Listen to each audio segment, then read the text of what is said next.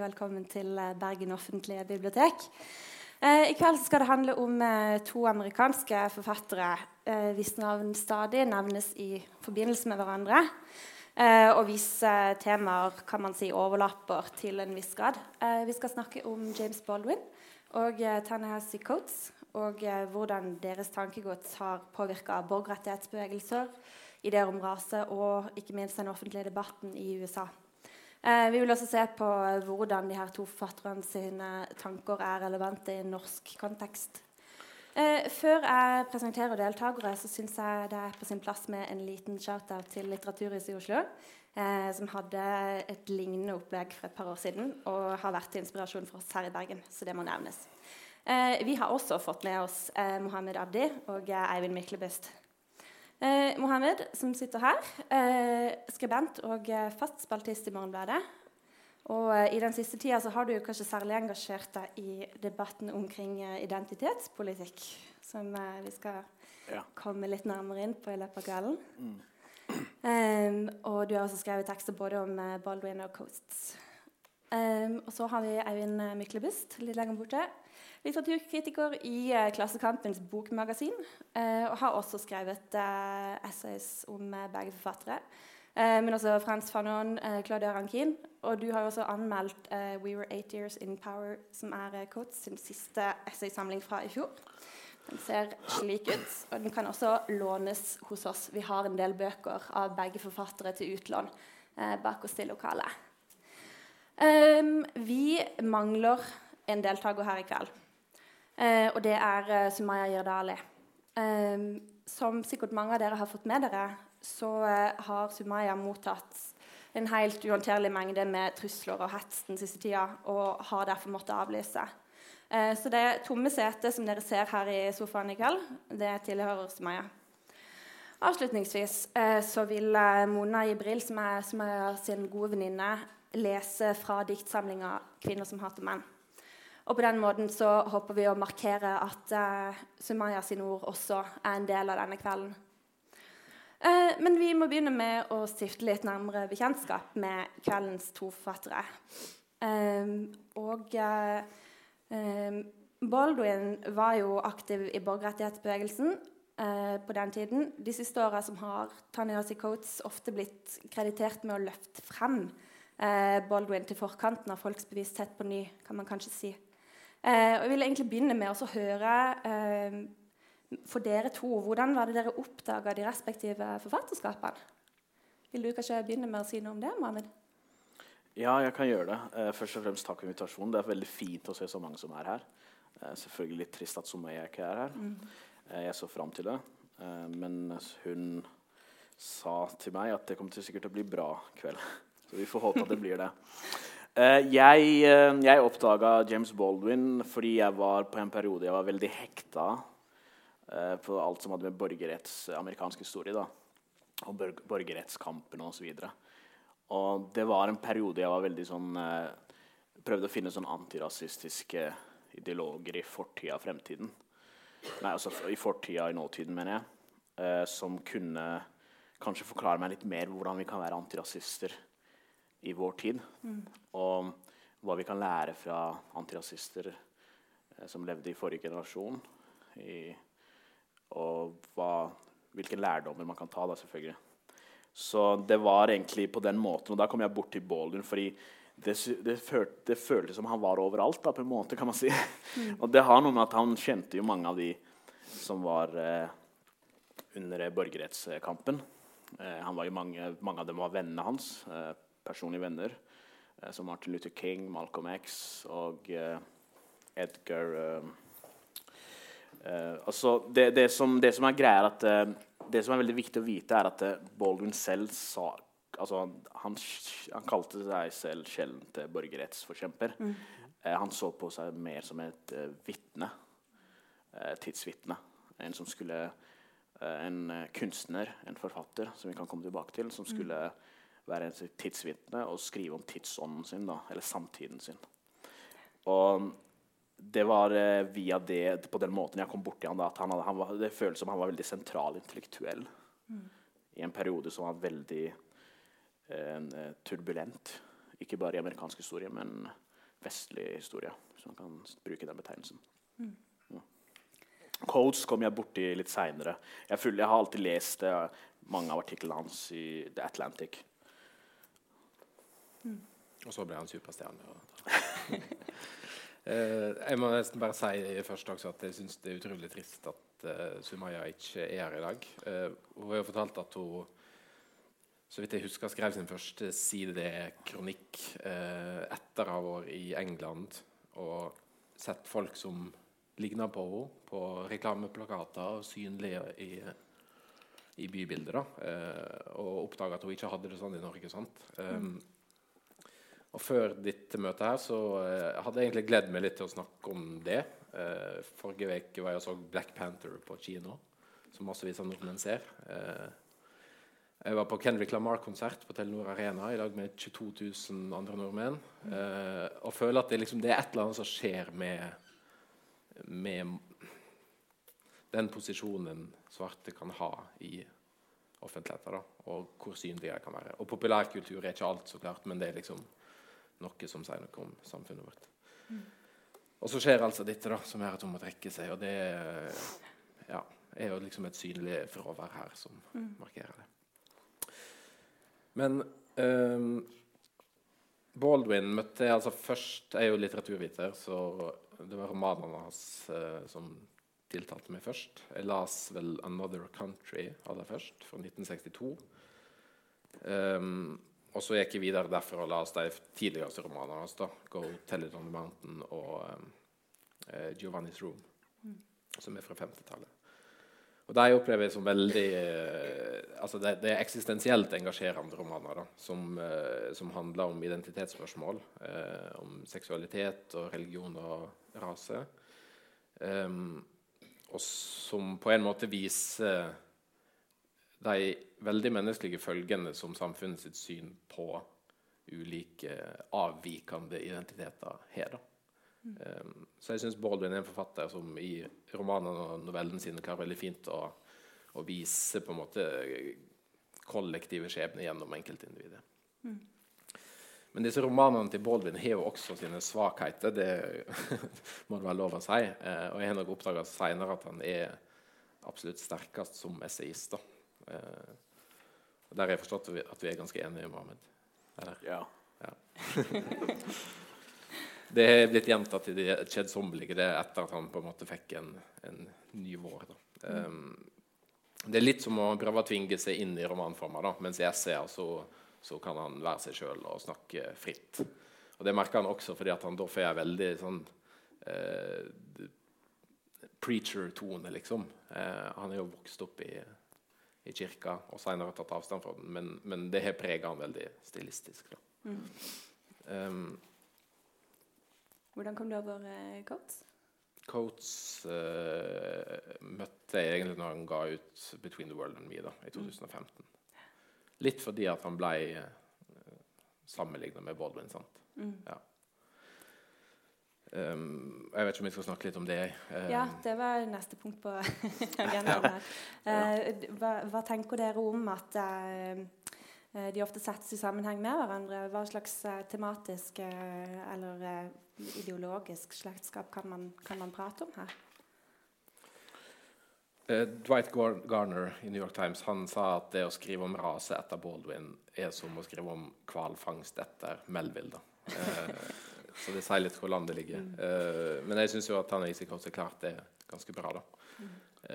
sist jeg og Mohammed snakka om disse to forfatterne, så tror ikke jeg helt så veldig mange fellestrekk, på en måte så vidt jeg husker. Det er noen fellestrekk. Ja, ja, men jeg mener, for to år siden så var ikke de så tydelige. da. Nei. Nå har på en måte Coates tatt litt mer den her uh, store offentlige intellektuelle rolla da, ja. som Baldwin hadde. Og det er vel en, ja, noe som er felles for de to.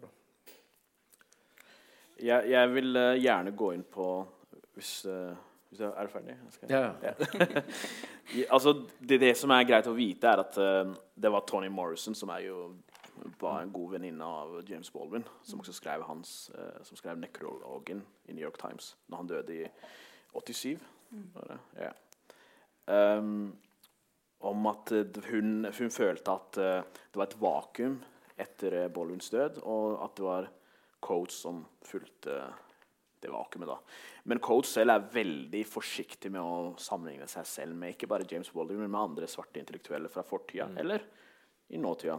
Han er veldig sånn, eh, han prøver ikke å eh, ta til seg den derre Du er Baldwins etterfølge eh, fullstendig 100 Det gjør han ikke. Han kunne gjort det hvis han ville, men, men eh, det, noen av likhetene er jo Hvis man snakker om forfatterskap, så er det selvfølgelig ulikheter. Fordi James Baldwin ja, Selvfølgelig har han levd mer enn han. Altså, eh, Coates er bare i 40-årene. Baldwin døde da han var 63. Nei, eh, 63. Så, men han Forskjellen er at Baldwin er også romanforfatter. Det er ikke eh, Coates. Eh, Men mye av tematikkene også er en del eh, for likheter. F.eks. begge to er artister. Det kommer ikke så synlig fram i debatter om dem at de er noe så sjeldent som svarte intellektuelle som er autister. Altså, mange av de store svarte intellektuelle i USA har vært eh, veldig troende mennesker. Eller, eh, eller mennesker som har hatt en gudstro eller nødvendigvis ikke hatt noe forhold til organisert religion. Men både Baldwin og, eh, og eh, Coates går inn i en De er en minoritet i en minoritet. da. De er eh, af afrikanske amerikanere som ikke tror på Gud. Og det har noe å si, fordi du ser på klart og tydelig at selv om begge to ikke er sånn ekstremt sånn antireligiøse, og de har påvirka den der eh, som Eivind var inne på, det med at den derre der preikingen, altså sånn pinsemenighet eh, eh, å preike på som Baldwin har påvirket av. Og de tar til seg disse impulsene fra eh, svarte kristne kirkemenigheter. Så er de fortsatt veldig kritiske til uh, den rollen religion har spilt, i, ifølge dem. Det er særlig kristendommen. Uh, har spilt i undertrykkelse av svarte amerikanere. Um, så det er en likhet. Uh, en ulikhet er jo selvfølgelig det faktum at Coates uh, altså, jeg mener Baldwin sammenlignet med Coates ikke er så opptatt av å skrive om seksualitet da, i like stor grad. Mm. Baldwins eh, jeg tror 70-80 av romanen hans handla om på en måte altså et, Det var gjennomgående tema. Tematikk var seksualitet. Mm. særlig homoseksualitet og bisek, eh, biseksualitet. Et, eh, Coates skriver ikke om de temaene som, på denne samme måten. Um, og så er det egentlig det siste jeg skulle si, var, eh, som er en likhet, som man kan si, er at eh, begge to Altså eh, Begge to er veldig opptatt av å eh, stille en diagnose mer enn å komme med medisin, hvis man kan si det. De er mer opptatt av å stille, altså forklare hva som skjer, enn hvordan man skal løsningene. De ikke, det blir feil å si de ikke er løsningsorienterte, men de er ikke de mest løsningsorienterte svarte intellektuelle.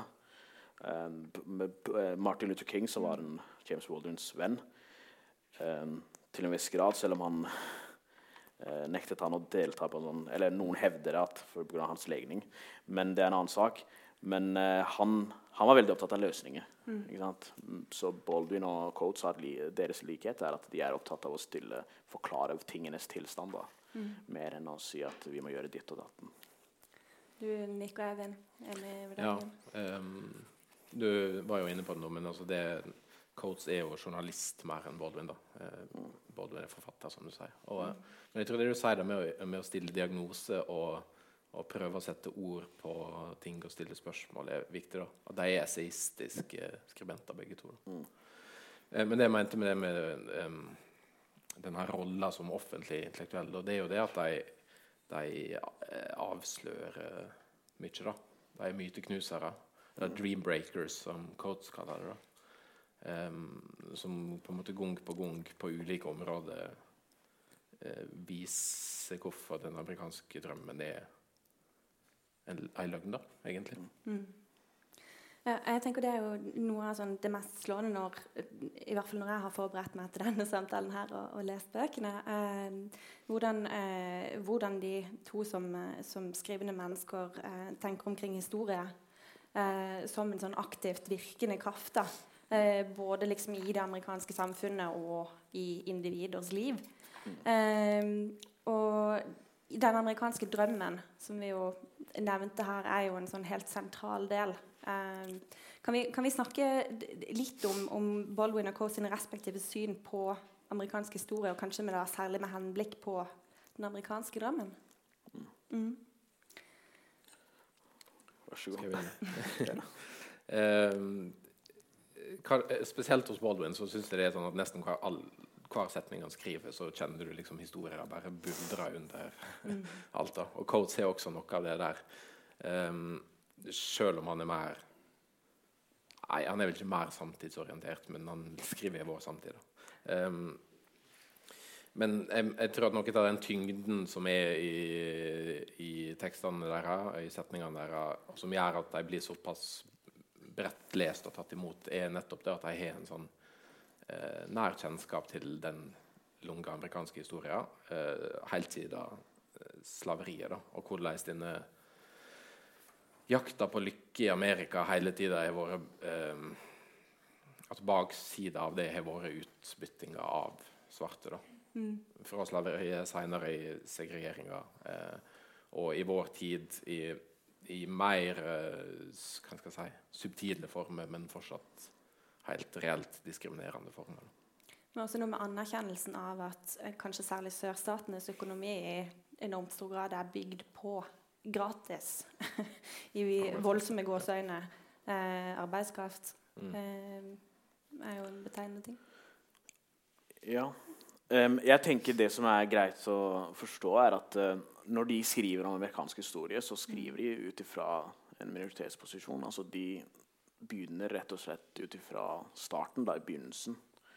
Og uh, jeg syns uh, Code sier noe som er veldig sånn uh, interessant i den boka der. Mm -hmm. Han sier «The country holds to the common theory that emancipation and civil rights were redemptive, a fraud and still incomplete revolution of the accidental hypocrisy of a nation founded by slaveholders extolling a gospel of freedom. Altså en nasjon som ble grunnlagt av slaveeiere, som samtidig snakka om frihet for alle. Så det er eh, de, de, begynner allerede der å si det er en hykleri som har eksistert så lenge denne republikken har eksistert. og det er at eh, Du har disse menneskene som snakker så mye om liberty. Liberty ditt og datten og liberty datten i ditt og det. ikke sant? Mm. Men som samtidig har eier andre mennesker. Så når de snakker om eh, historie begge to, så er det masse likheter, men samtidig så er det en forskjell på, mellom de to. og det er at Baldwins tilnærming til amerikansk historie er å putte seg selv i den. Ikke bare, bare som den undertrykte svarte minoriteten, men også si at 'jeg er amerikaner', mm. og ta sin posisjon. Han sier rett ut 'Jeg er en, en av uh, eh, USAs uh, eh, bortkomne sønner og uh, bortkomne barn'. 'Jeg er en del av denne republikken. Jeg er den jeg er', jeg, og jeg kritiserer USA fordi jeg elsker dette landet mer enn alt annet. altså andre land. Mm. Og av den, grunn, ja, altså, av den grunn så kritiserer jeg. Og Coates er ikke så like nasjonalistisk, hvis man kan bruke den betegnelsen.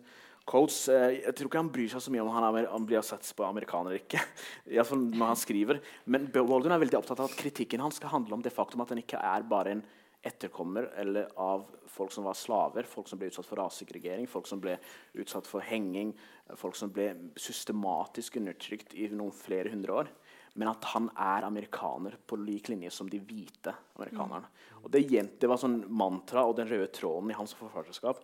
Og Det er det som er veldig viktig når man driver og kritiserer det som er ditt eget land. Du kan aldri forandre.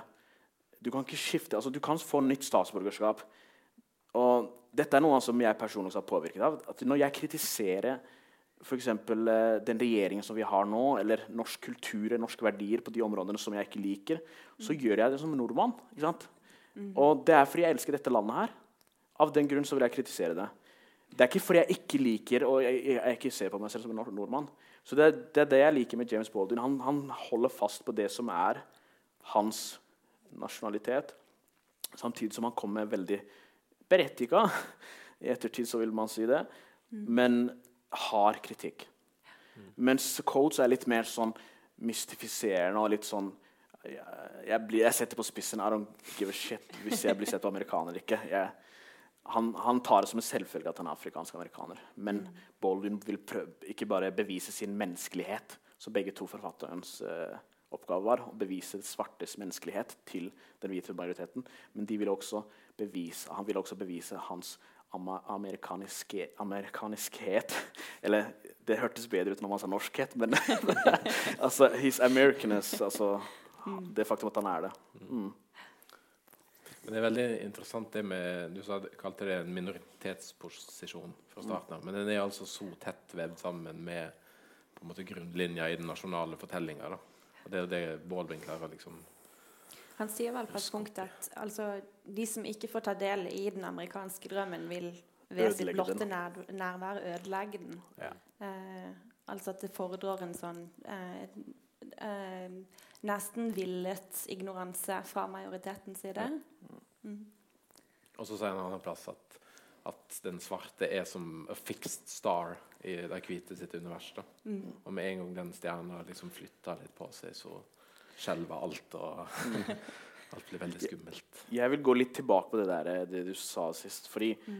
Jeg vet ikke hvor mange som har sett I Am Not Your Negro, som er en uh, veldig bra dokumentar. som får den får slengt priser etter seg nå for tida. Det er fullt fortjent. Så hvis dere ikke har sett den, så bør dere se den. Uh, for der bruker han, viser han bilder fra uh, 60-tallet.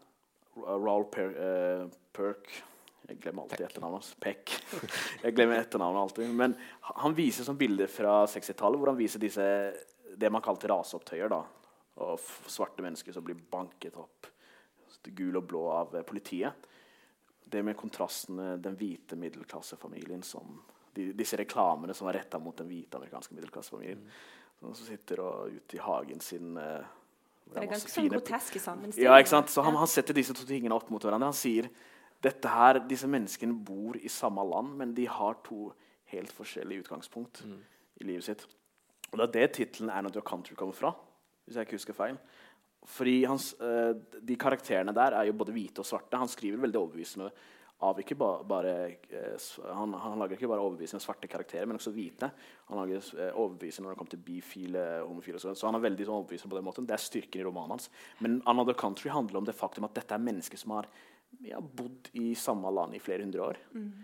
Men som det føles som de bor i to forskjellige land. Mm. Eller til og med noen vil si to forskjellige kloder.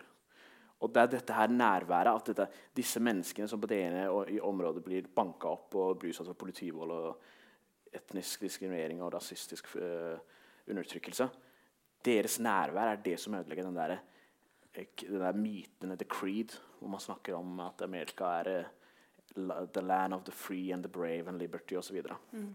Det henger ikke sammen. Og så det er, det er det som er problemet, uh, ifølge Baldwin. da. Mm. Um, jeg synes også I forhold til historie, fortelling eller skriving, alt etter sånn, så, så skriver jo uh, Tanasi Coates i den her uh, 'Between the World and Me' uh, om en sånn periode han har mens han går på da Howard College. Um, hvor han blir litt sånn nesten besatt av å finne en slags sånn alternativ opphavshistorie uh, for afroamerikanere i USA. noen som har lyst til å kommentere noe på det? Um, jeg kan i hvert fall si litt om det der med Han er jo også veldig opptatt av at uh, Og det passer jo fint til vi sitter på et bibliotek nå, men er biblioteket og ikke klasserommet som har vært uh, skolen hans. da. Mm. Uh, fordi at i klasserommet så ble han undervist i ja, rett og slett andre folk sine interesser på deres premiss. Mm. og måtte på en måte kjempe for å finne seg til rette for å kunne uh, utdanne seg. Um, mens på biblioteket så fant han frem sjøl. Og jeg tror det sier noe om liksom, at svarte i Amerika er nødt til å aktivt sjøl oppsøke sin egen um, forhistorie. da. Mm. Um, og jeg tror det, det, er også litt av grunnen til at han skriver den boka som et brev til sønnen. Ja. For å ja, mm. Og dette er igjen for å vise Man skal jo vise både likheter og ulikheter. Dette er egentlig en ting som skiller mellom de to forfatterne. I, uh, Baldwin er ikke opptatt av alternativ historie. Han mener at uh, uh, de svartes historie er i hvite, så, altså amerikansk historie er historien som gjelder alle grupper. Han vil bare opptatt av å nyansere og vise et mer korrekt bilde. da. Det der alternativ historie, det der søken etter alternativ historie, det er ikke noe veldig ekstraordinært for Coates sin del. Det er mange svarte som er opptatt av å eh, finne sine røtter. da.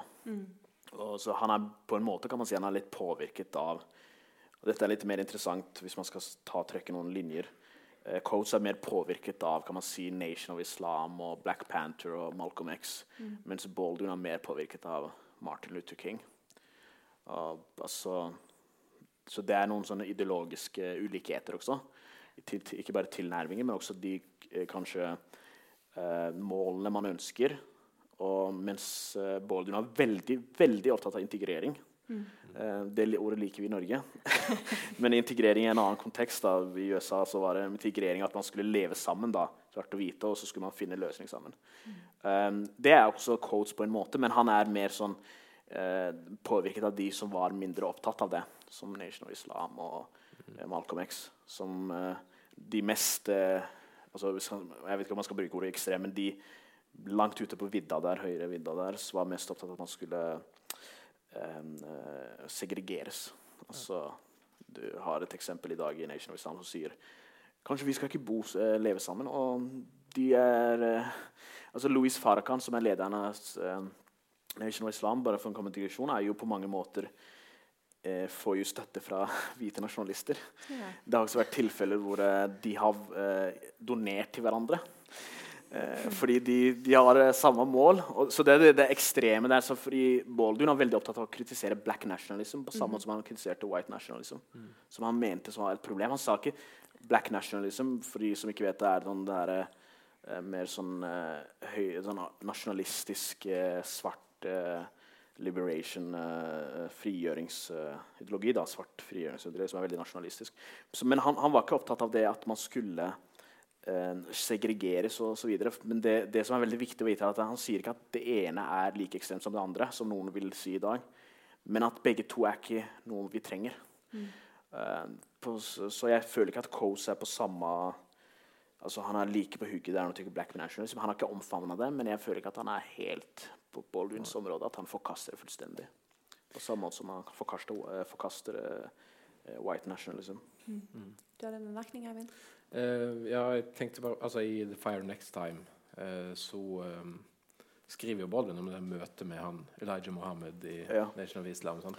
og jeg opplever at, det, at han, eh, han uh, tar avstand fra det, men eh, han har forståelse for det også. Da, Ja, ja. Altså, det, det er ikke de svarte i Amerika som har skapt den situasjonen der noen eh, har begynt å kjempe for at det skal være another country, at det skal være to land.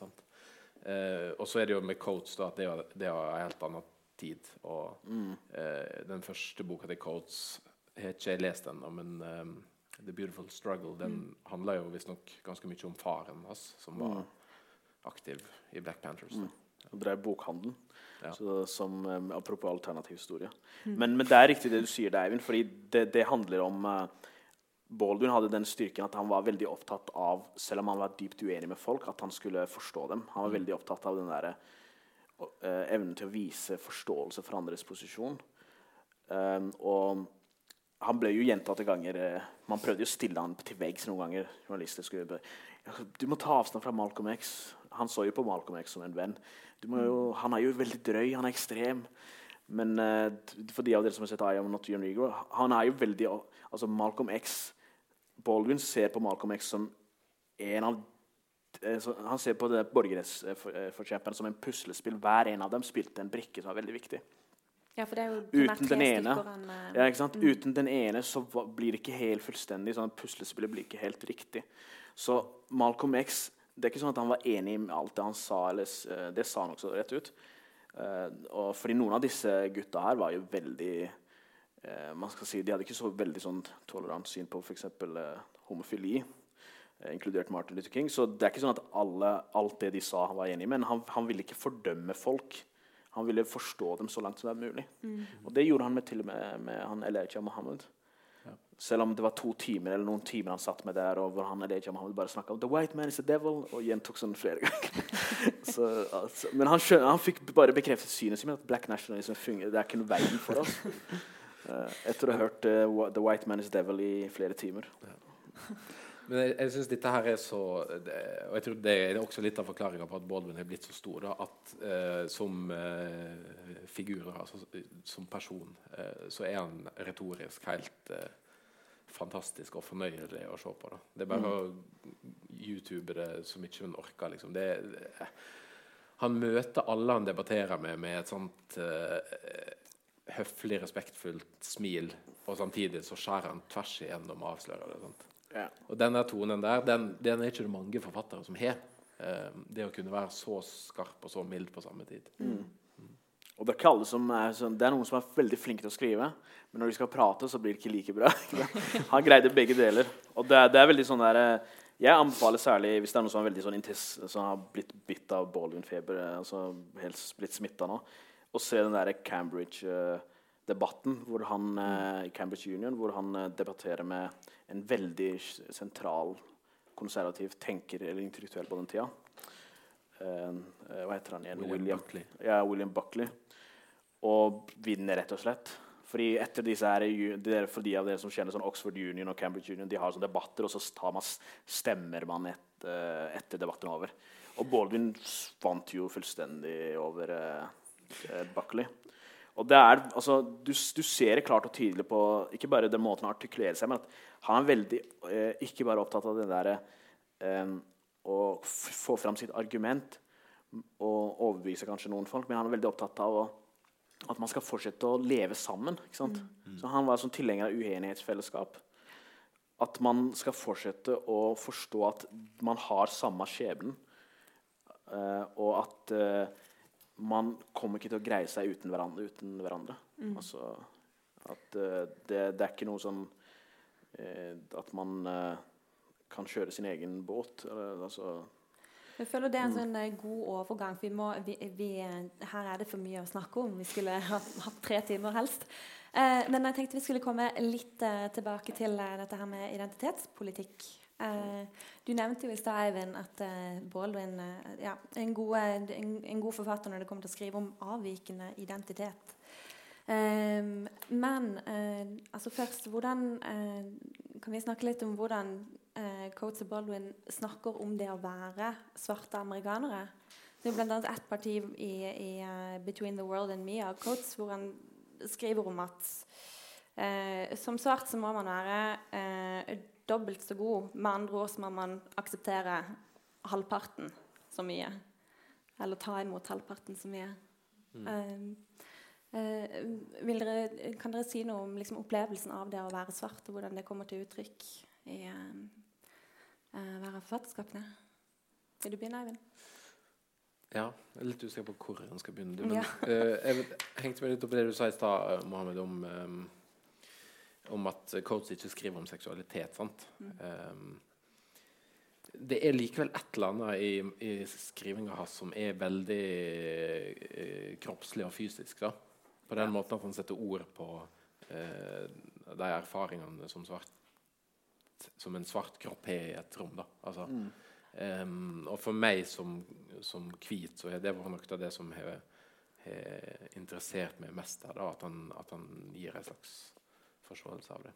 Um, den trusselen det er i visse situasjoner. Sant? Det å ha en svart kropp? Ja. Mm. Altså, det er det utsatt på helt andre måter. På måter som, som uh, alle kvinner opplever annerledes enn andre, alle menn. Uh, men som også da svarte personer opplever annerledes enn hvite menn. Mm. Altså Tittelen på mitt uh, bokessay av dem, som jeg anmeldte for Vindu, var jo 'Den svarte kroppens uh, skjørhet'. Mm. Og for de av dere som har lest, eller som har tenkt å lese, dere kommer til å legge merke til at det er fokus på Når han snakker om svart, så snakker han veldig mye om det man opplever på kroppen, rett og slett.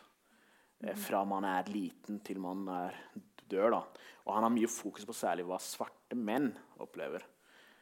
Og det var også han Baldwin opptatt av. fordi mm. 'The Fire Next Time' er jo på en måte den boka som blir sammenlignet med 'Between the World uh, and Me'. men The Fire Next Time var retta hvor Bollywood skrev eh, et brev og et langt essay, og det var retta mot uh, hans uh, nevø, som er 14 år.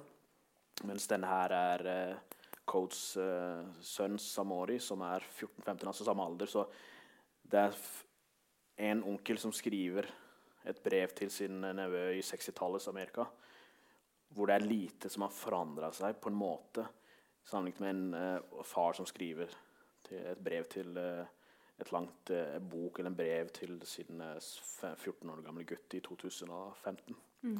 Så 50 år, men vi er på samme sted.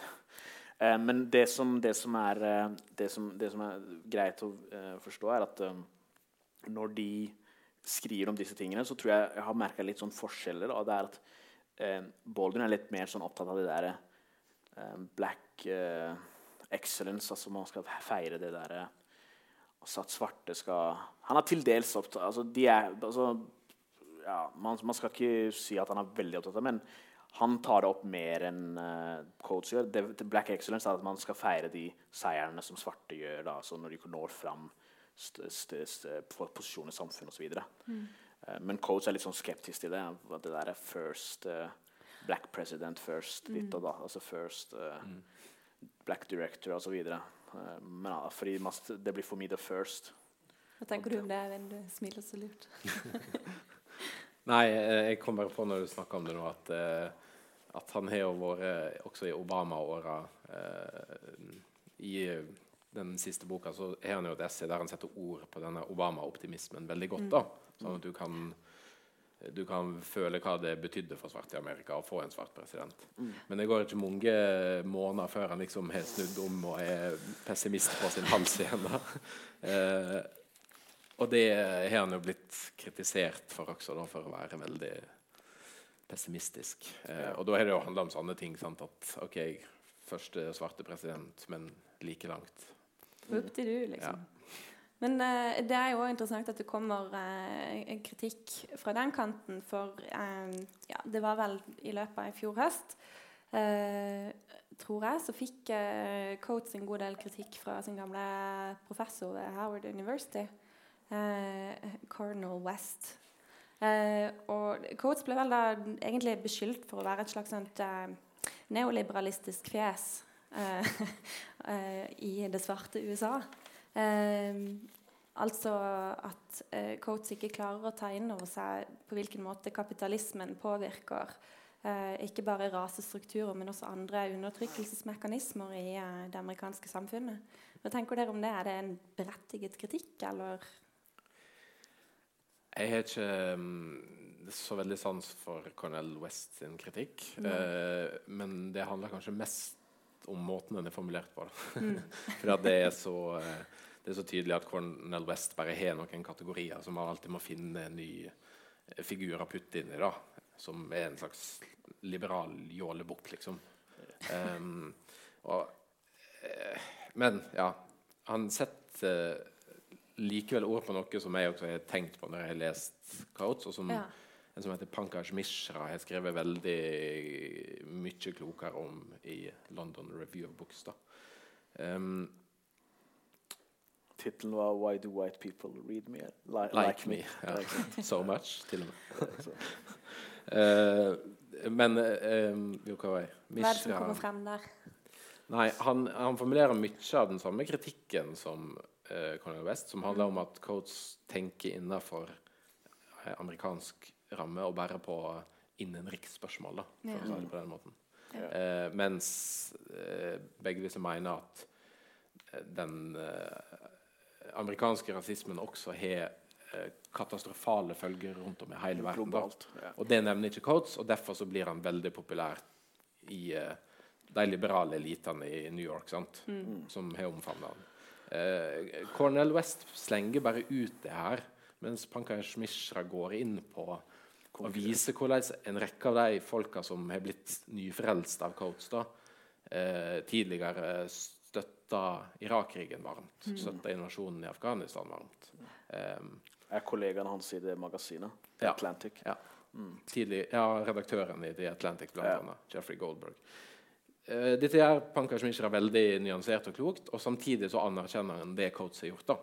Og han anerkjenner at Coates er en forfatter som åpenbart skriver eh, Skriver seg inn i kunnskapen på en måte, og lære mens han skriver. og eh, ja, som jeg var inne på i stad, at han er med å diagnostisere mer enn å finne løsninger. Så det, den kritikken slutta på en måte på en sånn eh, Vær så god, her kan du ta tak i det eh, måte da, som jeg har veldig sans for. Mm. Jeg vil tilføye til det Eivind sa, fordi Cornel West er jo en så, veldig gammel traver. Altså, han, har, eh, han har vane med å eh, se, Han skal prøve å sette svarte, unge svarte intellektuelle på plass. Altså, det er en sånn mm. generasjons uh, sånn uh, spørsmål også her. Han har gjort det tidligere med for Michelle Alexandra, som har skrevet en veldig sånn, Hun er jusprofessor som har skrevet en veldig bestselgende bok om uh, massefengsling fra 2012, mm. som anbefales. Men det som er greit å vite, er at det, det, det West og Baldwin sier, og dette syns jeg er veldig interessant, fordi det er en eh, en annen afrikansk-amerikansk intellektuell og professor, eh, Robin D.G. Kelly, som sa det. Man trenger begge to. Han sa eh, Coates er opptatt av at vi, altså med vi som er afrikanske amerikanere, men amerikanere generelt, er opptatt av at vi skal overleve, mens eh, eh West er opptatt av at vi skal vinne. Mm.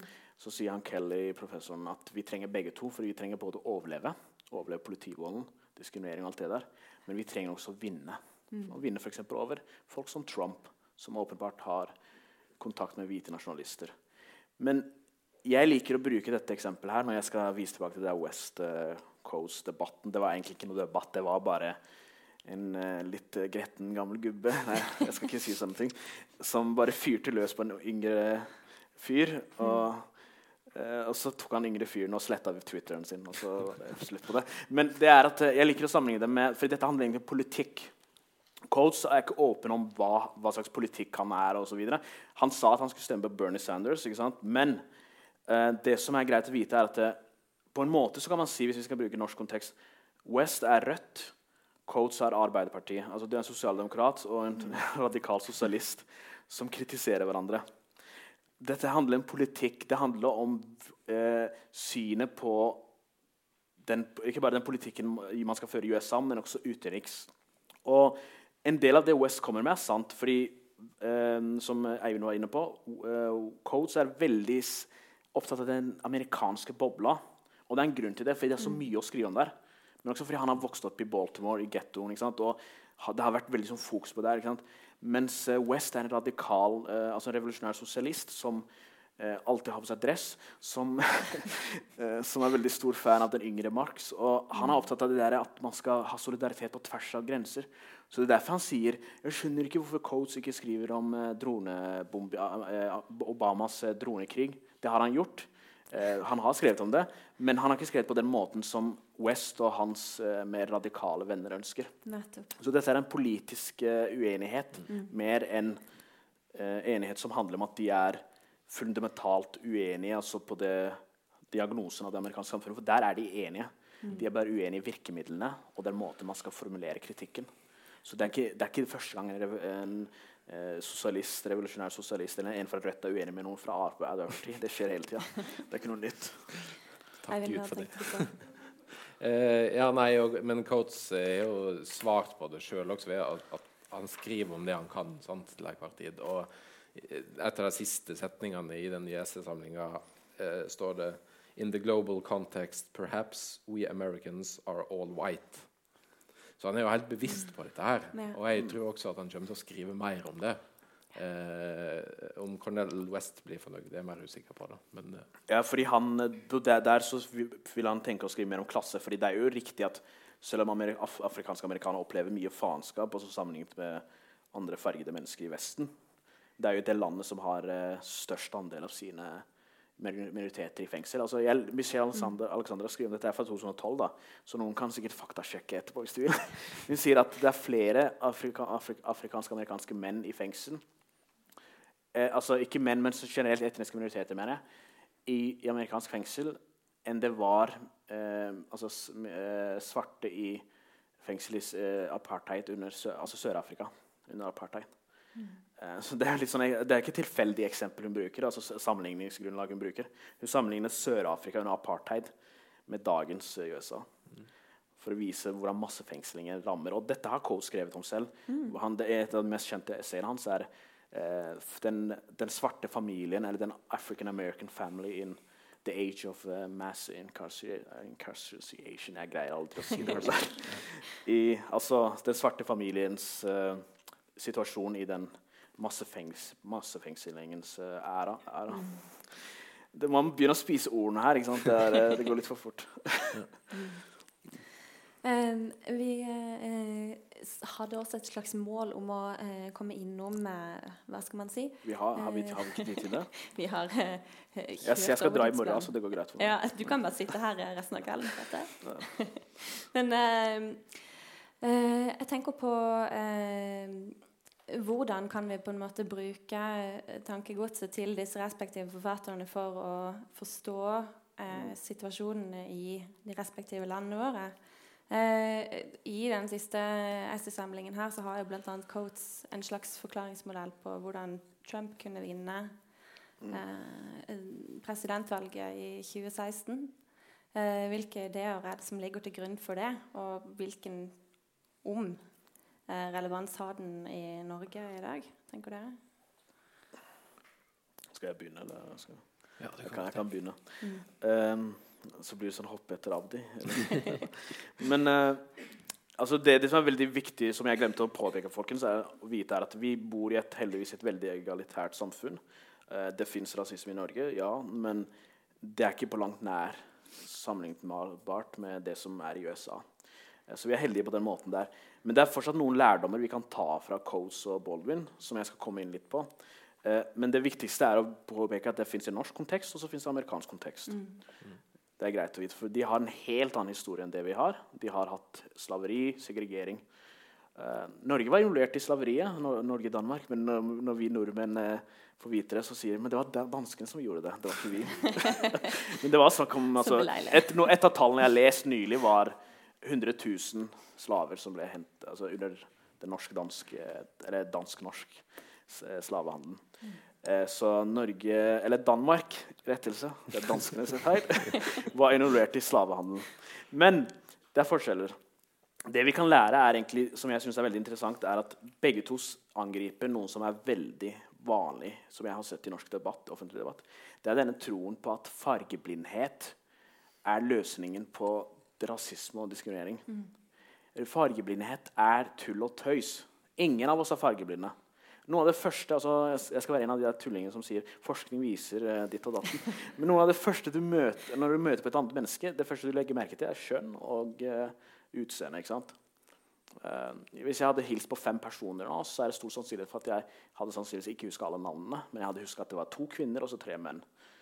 Eh, også hvis jeg skal være sånn sexistisk, at det var to p- kvinner og så var det tre stygge menn. Eller noe sånt. Men eh, altså Så det, det der tanken om at vi ikke ser farge, tull og tøys. Alle ser farge.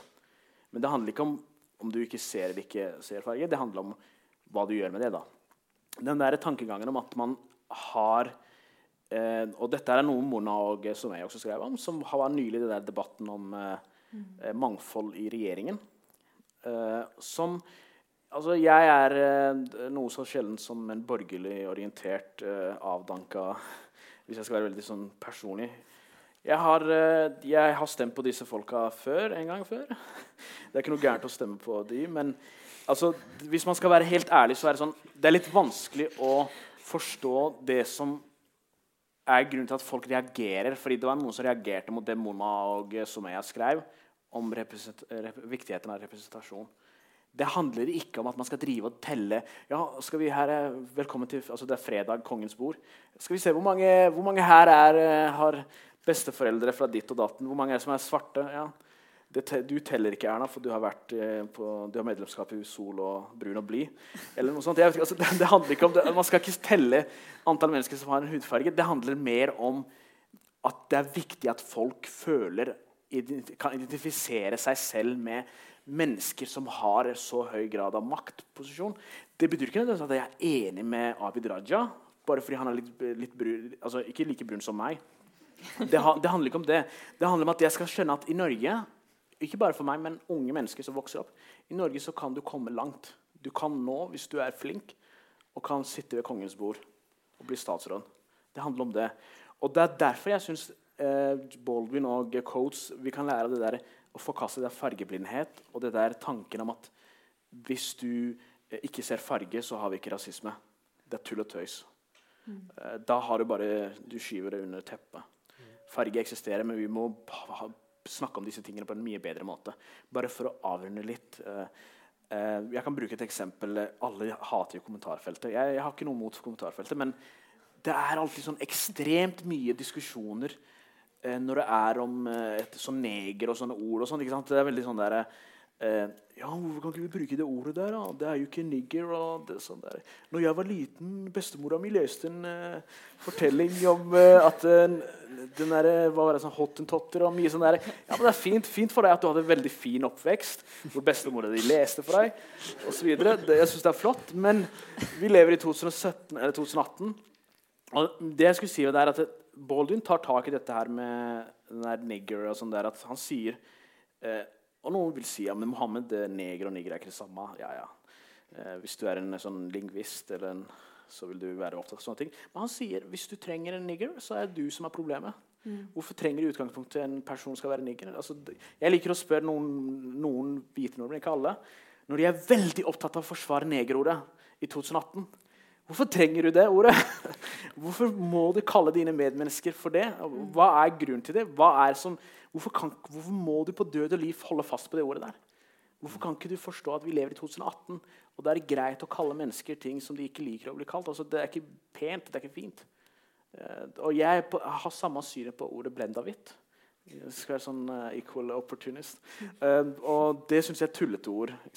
Men altså, hvis du vil bruke holde fast på et sånt ord, så må du si hvorfor du vil ha det.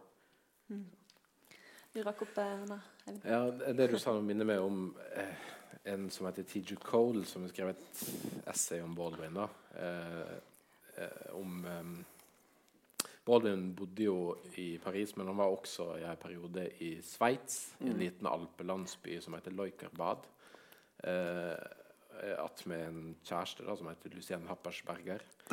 Eh, han lånte liksom den lille hytta hans oppe i alpelandsbyen der og var etter eget utsagn den første svarte mannen de hadde sett i denne landsbyen. Og Dette har han skrevet et helt fantastisk essay om. Ja. 'Stranger in the Village' heter det. Ja. Eh, men det Baldwin gjør i det essayet, er at han, han bruker um, den lille plassen i Europa som et bilde på den europeiske forestillingsverden, altså på den hvite forestillingsverden, som seinere ble det amerikanske. sant? Mm. Um, og når du nevnte kommentarfelt og alt det nå, her, det opphenget i disse ordene, så kom jeg på at Cole kaller det her for a vivid performance of innocence. Altså Folk er så utrolig opptatt av å vise at vi er helt uskyldige. Vi er ikke rasister. vi er ikke rasister, mm. Gang på gang på gang. Og det er, som du sier, noe litt avslørende i det. da. At en um, på en måte klamrer seg til at en er helt uskyldig. mm. ja. mm. Men bare for å avslutte litt sånn uh, det, det, som er det at man skal påvise at man ikke er rasist, er jo fint. At man ikke er rasist, man er ikke morder osv. Jeg er ikke voldtektsmann osv. Det er bra, det der, alt det der. Men det, det, som er mer viktigere, er å være ikke antinomer, men å være altså, altså ikke være mot noe, men du må også være aktiv. Så jeg synes, Istedenfor å si du ikke er rasist, så skal du begynne å si at du er antirasist. Mm. Fordi alle er på en annen måte, eller de fleste mennesker er hvis du Unntatt Tore Tve, da, som er en uh, rasist fra fylket jeg kommer fra. Uh, Vigri-lederen. Han er rasist. Men alle andre nord nordmenn jeg har møtt på, er ikke rasister. Men det er veldig få av dem som vil kalle seg antirasist. Mm. Det er litt sammenlignbart med de som sier ja, men jeg er jo for likestilling, men som er litt jeg, jeg vil ikke bruke ordet feminist om meg selv. Jeg skal ikke begrense disse debattene her, som er veldig viktige, til ordene og begrepene vi bruker om oss selv. Men jeg synes det er viktig at vi identifiserer oss selv som antirasist hvis vi er det. At vi er, hvis vi er feminist, at vi sier at vi er det også. Sånn at vi tar eierskap over de eh, ordene. Og man ikke bare sier 'jeg er mot vold mot kvinner'. 'Jeg er mot eh, diskriminering av etniske minoriteter'. Ja, ok, Men er du antirasist? Si det. Er du en feminist? Så si det. Ja, det er kanskje lettere å ta avstand fra begreper enn å, enn å omfavne det eller måtte stå for det, og forsvare det. Ja. Mm. Man prøver å være sånn der, men det er for politisk laden. ikke sant? Jeg er humanist, jeg er ikke feminist. ja, høres uh, kjent ut. uh, tiden løper bra hos dere. Uh, så jeg tror at vi ja, låner alle bøkene. Og nå tar vi og ønsker Mona Ibril varmt velkommen til scenen med en applaus. Og så skal vi få høre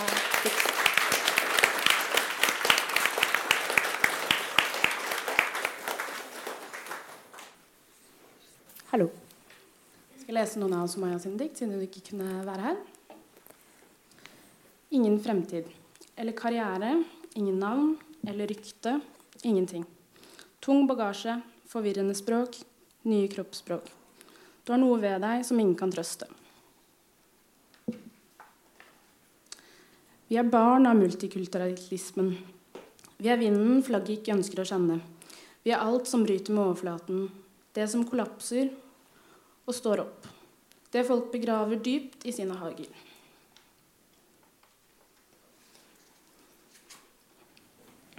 Hvit mann kom ridende på sin hest. Sa at han ville redde meg. Alkoholisert mann kysset meg en dag. Han, vil, han ville redde meg. En god kompis strøk meg på ryggen en skoletime. Han også ville redde meg.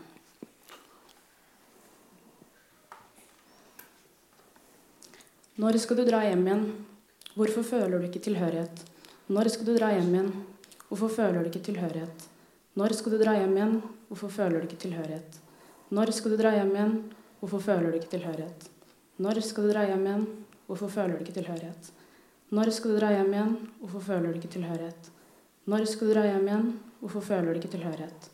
Når skal du dra hjem igjen? Hvorfor føler du ikke tilhørighet? Når skal du dra hjem igjen? Hvorfor føler du ikke tilhørighet?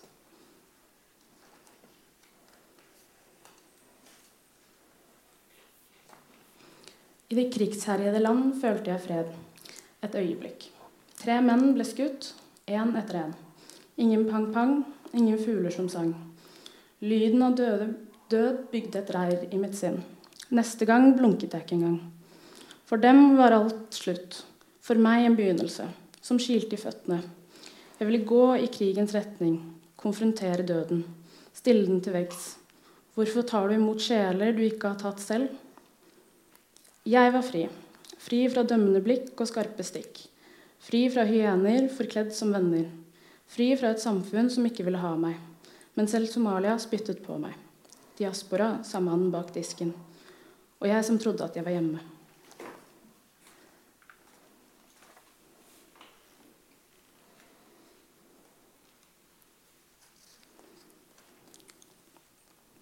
Kjære mamma. Du så din far dø. Traume hjemsøker, hjemsøker ikke deg. Du oppsøker det. Du klarer ikke å gi slipp. En tung stein hviler på ditt bryst. Du har problemer med å puste, men du smiler. Du ser ut som en solsikke.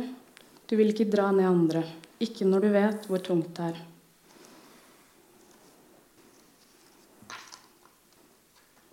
Jeg sitter i et debattpanel, ser på teater, leser bøker på biblioteket. Jeg er på hagefest til et forlag, går ut av rommet, men jeg kommer meg ikke inn igjen. Takk.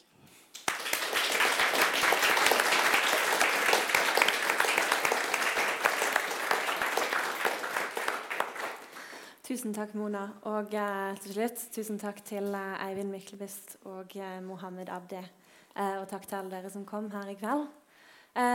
Vi fortsetter eh, den serien med amerikanske forfattere den 9. mai. Da skal det handle om Claudia Rankin, som er en afroamerikansk poet.